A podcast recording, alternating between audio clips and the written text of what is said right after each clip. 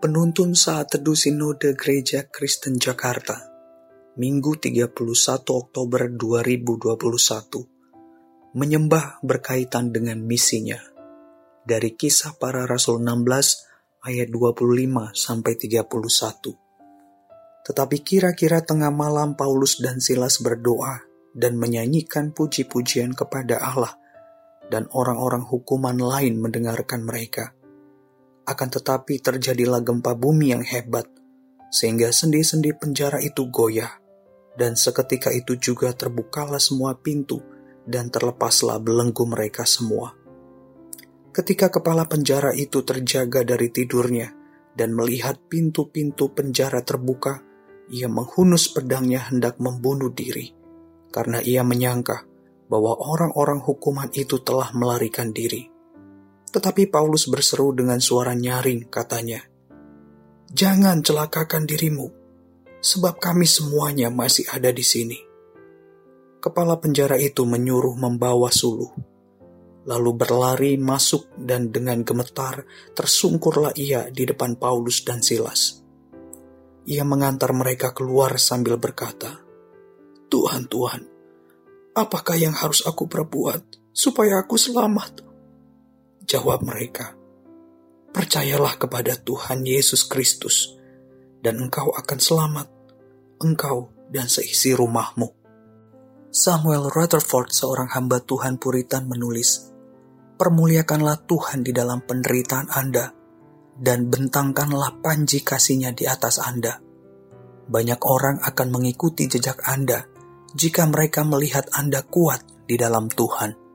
Diganggu diejek oleh perempuan penenung, dituduh sebagai pengacau oleh para tuan besar di kota Filipi, diperlakukan tidak adil oleh para pembesar kota Filipi dengan cara dipukuli dan dimasukkan ke dalam penjara.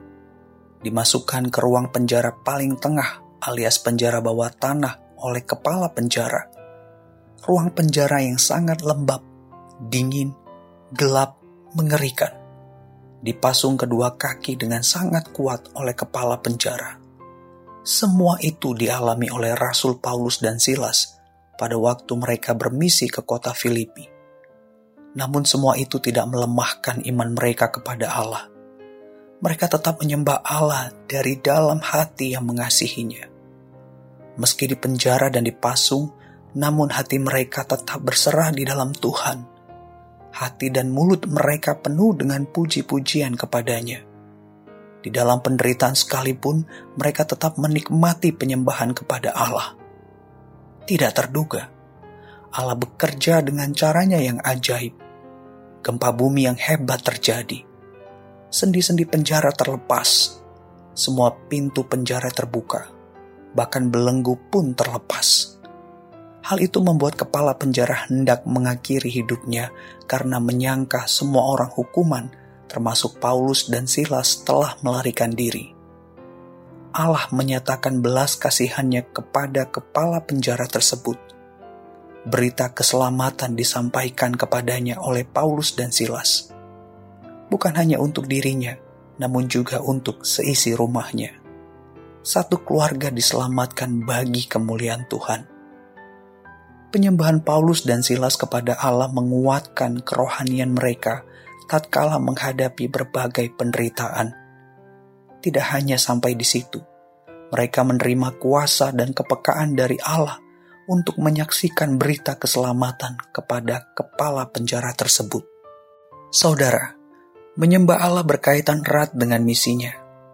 Penebusan Kristus membentuk kita menjadi penyembah-penyembah Allah yang selalu berserah di dalamnya di tengah-tengah berbagai penderitaan yang kita hadapi. Hati dan mulut kita senantiasa memuji-mujinya meski kita sedang menghadapi situasi yang berat, sulit, sakit.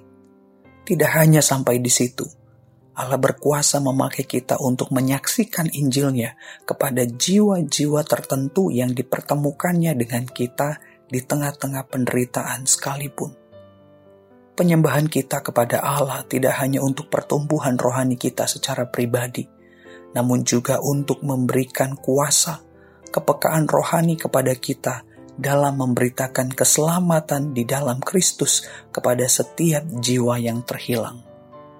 Ini adalah penyembahan yang sejati.